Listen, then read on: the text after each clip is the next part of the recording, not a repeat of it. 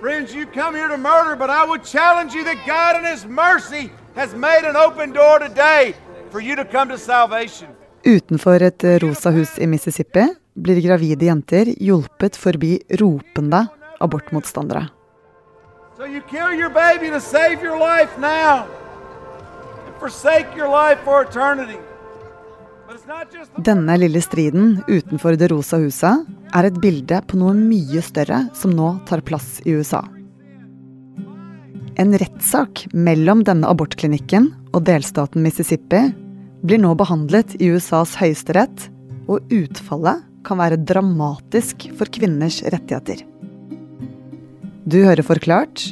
Jeg heter Synne Søhol, og i dag er det torsdag 2. desember.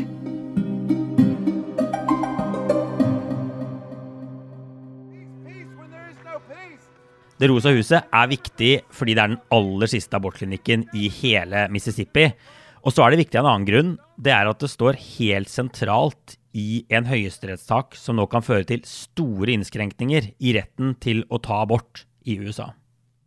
Øystein Kløvstad Langberg, du er USA-korrespondent i Aftenposten og har besøkt Den rosa klinikken. Hvordan var stemningen utenfor? Stemningen er helt spesiell. Eh, Denne klinikken er relativt sånn liten. Den har en trang og ganske krøkkete parkeringsplass. Og det betyr at abortmotstanderne som holder til utenfor gjerdene til klinikken, de kommer ekstremt tett på de kvinnene som, som kommer dit. Eh, og abortmotstanderne de bruker da ulike metoder. Noen de deler ut brosjyrer idet bilene kommer kjørende. Eh, andre de sitter og ber, eller de stiller seg opp langs veien med skilter. Og noen står bare regelrett og roper og skriker. Eh, og en av gjengangerne er Coleman Boyd, en hvit kristen tolvbarnsfar. Han har med seg mikrofon, høyttaleranlegg og, og roper inn rett foran døren til klinikken. We want you to know that you're our neighbor and your little baby is our neighbor. And so we came here because we want to intervene in something that you're fixing to do that's a terrible mistake. Og det gjennomgående budskapet da, til alle de som holder til utenfor der, det er at uh, abort er mord, at uh, disse kvinnene begår en stor synd, You will live with what you've come here to do for the rest of your life. You will live with the weight of having having done this. Men Øystein, hva med disse som hjelper kvinnene? Hvem er de?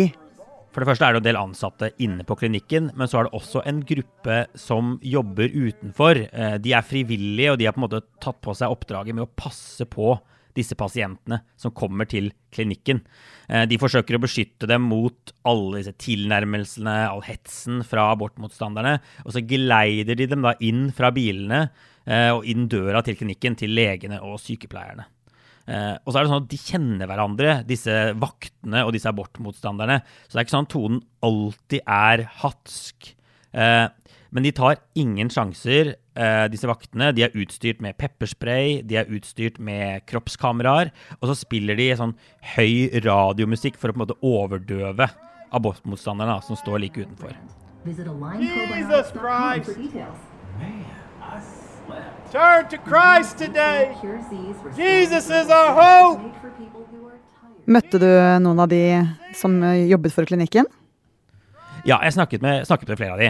En av dem er eh, AP Montisi. Hun er en 23 år gammel legestudent. Og hun har en interessant historie, for hun vokste opp i en dypt religiøs familie. Hun var på kristen sommerleir tre ganger hver, hver sommer, som hun sa. Og hun ble oppdratt som abortmotstander. Men etter hvert så har hun altså endret totalt syn i abortsaken, og nå passer hun altså på denne klinikken. I don't think I was ever incredibly pro life. That was just like an assumed thing, like you just assume when you grow up in the church. But I learned a lot about, you know, human rights and like bodily autonomy and circumstances. You know, like nobody should have to be pregnant if they don't want to be pregnant. I don't want to be pregnant. Um, Så hun var altså mot abort tidligere. Eh, Er det en eh, vanlig holdning i Mississippi? Ja, Det vil jeg si er en ganske vanlig holdning i Mississippi. Altså, Dette er en dypt religiøs delstat i et land som jo i seg selv er dypt religiøs. Eh, og disse frivillige vaktene som står utenfor, de er frustrert over at mange av innbyggerne ser på abortmotstanderne på fortauet som står og skriker, som heltene, mens de som passer på disse kvinnene, de gjør noe utilgivelig. Og mange av pasientene som kommer til klinikken, er jo også dypt troende. Og det gjør det selvfølgelig ikke noe enklere for dem å bli fortalt eller skreket etter at aborten de nå planlegger å ta, vil gjøre at de ender opp i helvete. You know, I last week they said bring back the patriarchy. They were shut up women. We need to learn to speak when spoken to. Jezebel's whores. They've slung, you slurs. All sorts of. Told me my parents must be disappointed in me, Det er jo ikke første gang Øystein, at vi hører om uenigheten i abortdebatten i USA. Eh, hvor begynner dette? Man kan begynne denne historien mange steder, men jeg tenker at et naturlig sted å starte er i 1973. For det er jo sånn at det var ikke politikerne i USA som legaliserte abort, eller vedtok en sånn statlig abortlov. Det var Høyesterett som gjorde det, og det skjedde altså i 1973 i den etter hvert ganske kjente domsavsigelsen som heter Roe mot Wade. Roe against Wade. Og den har du kanskje hørt om.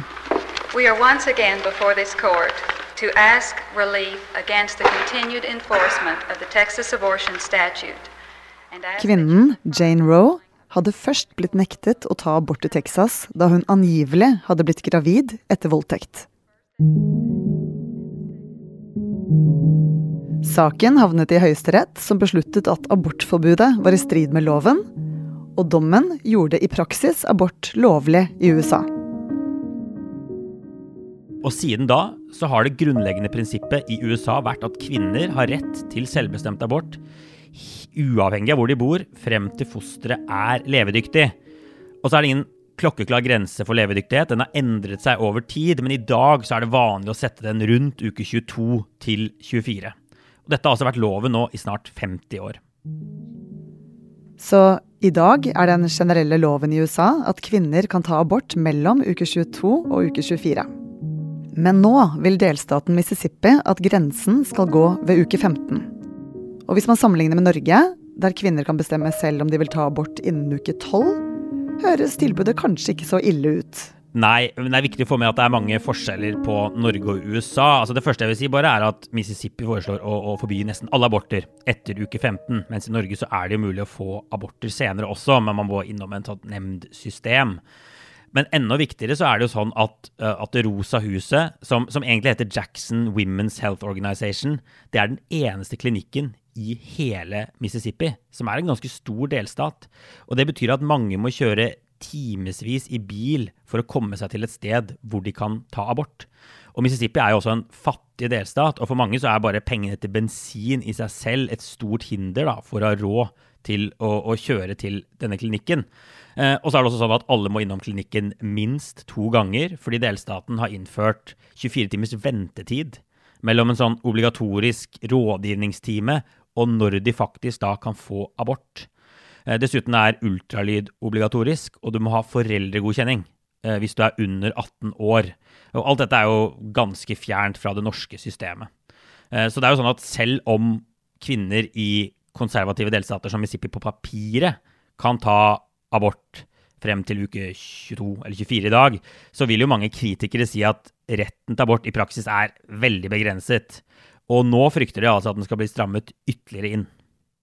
Men hvem er det egentlig som står mot hverandre i denne rettssaken? På en side så står delstaten Mississippi og det man egentlig må kunne kalle USAs abortmotstandere. Eh, Det er jo sånn at I 2018 så vedtok Mississippi en lov som forbyr abort etter uke 15. Men den fikk aldri tre i kraft, fordi den jo helt åpenbart bryter med eh, de grunnleggende prinsippene i denne dommen, da, Roe-dommen fra 1973, som sa at levedyktighet var den avgjørende grensen. Men Mississippi mener at alt dette bør fjernes, at levedyktighetsgrensen er noe tull, og faktisk så har de bedt Høyesterett gå lenger enn å godta den 15-ukersloven de forsøker å få gjennom. De har bedt dem forkaste hele abortloven i USA, sånn at delstatene selv kan bestemme lovene akkurat som de vil, helt selv.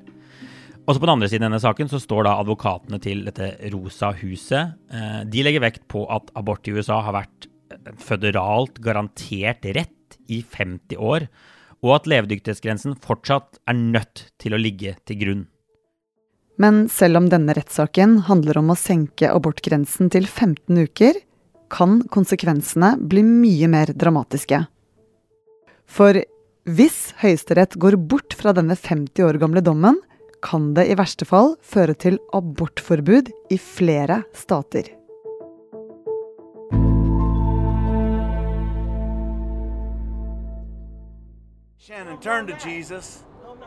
Man blir ikke populær av å drive abortklinikk i Mississippi, det er helt klart. En morgen jeg kom til denne klinikken, så sto hun som er sjef, altså klinikkdirektør, og kranglet med en av abortmotstanderne, som, som sto og ropte til henne at hun driver et drapssenter. You need to repent of the murder in your heart. You need to, you need to quit killing babies and turn to Jesus and find life. Det er sånn at Ingen av legene som jobber i denne klinikken, bor i Mississippi. De flys ut og inn fra helt andre deler av landet. Veldig mange bor eh, oppe i Massachusetts. Og når de er på jobb, så bor de da på hemmelig adresse i Mississippi. De er redde for at abortmotstanderne skal finne dem, eh, finne ut hvor de er, eh, plage dem, plage familiene deres og, og den type ting. Og det er også sånn at De frivillige som jobber utenfor her, holder en relativt lav profil, i hvert fall noen av dem. Jeg snakket jo med hun som heter AP Montisi. Hun har ikke fortalt besteforeldrene sine hva hun holder på med på fritiden. De er konservative kristne og har på en måte en helt annen oppfatning i abortspørsmålet enn henne selv. Hun er faktisk litt redd for at de skal dukke opp utenfor klinikken en dag og demonstrere.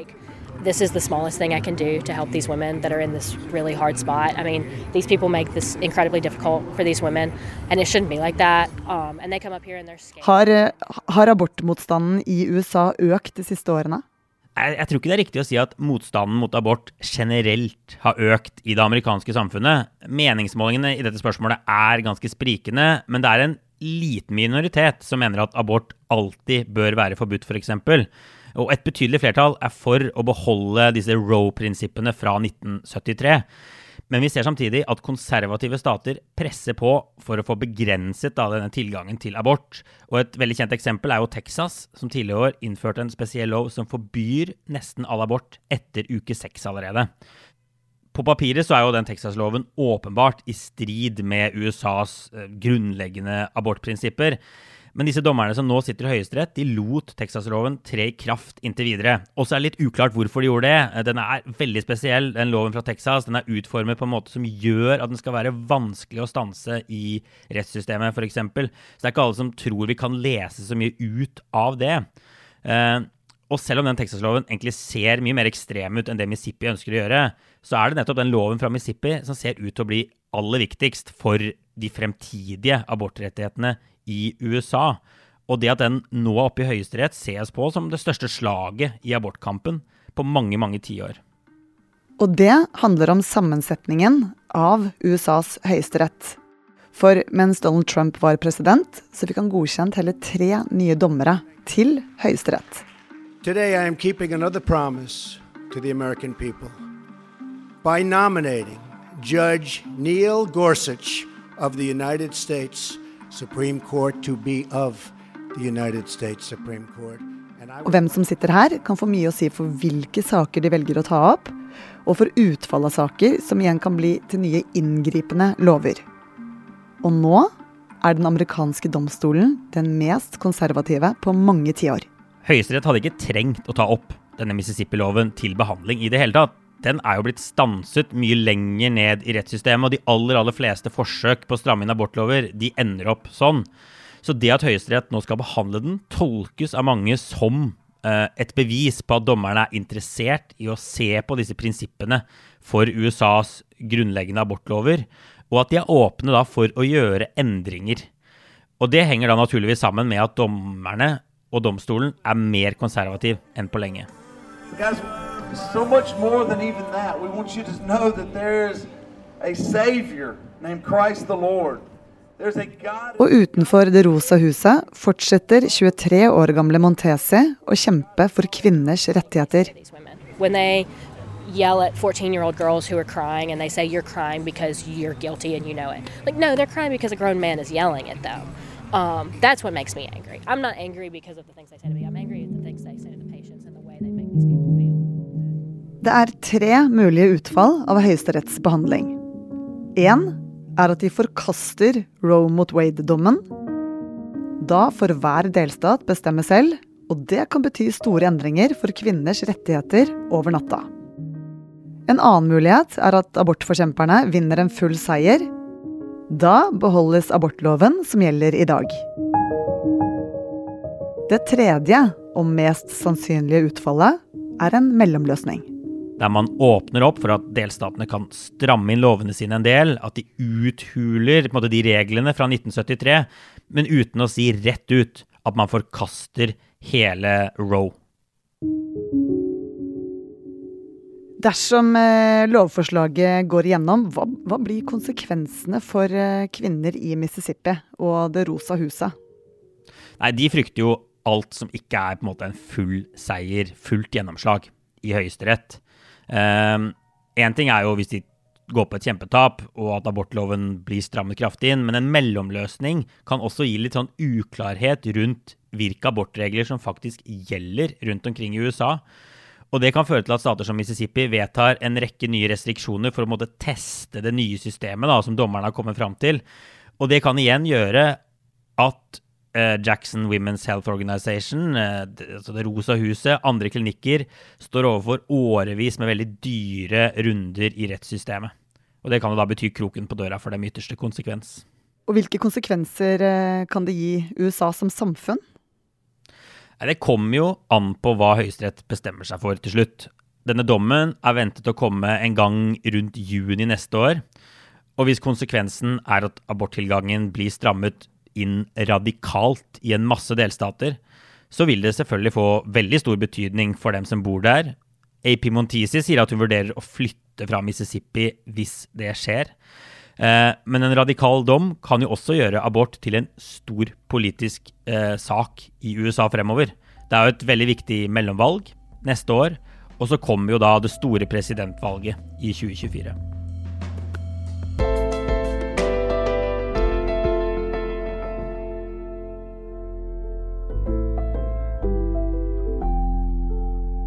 I denne episoden har du hørt lyd fra USA-korrespondent Øystein Kløvstad Langbergs egne opptak utenfor abortklinikken. I tillegg har du hørt klipp fra National Archives Catalog og fra nyhetsbyrået AP. Det er Thea Wold Lyster, Fride Næss Nonstad og jeg, Synne Søhol, som har laget denne episoden. Resten av Forklart er David Vekoni, Marte Spurkland, Anne Lindholm, Guri Leiel Skedsmo og Anders Weberg.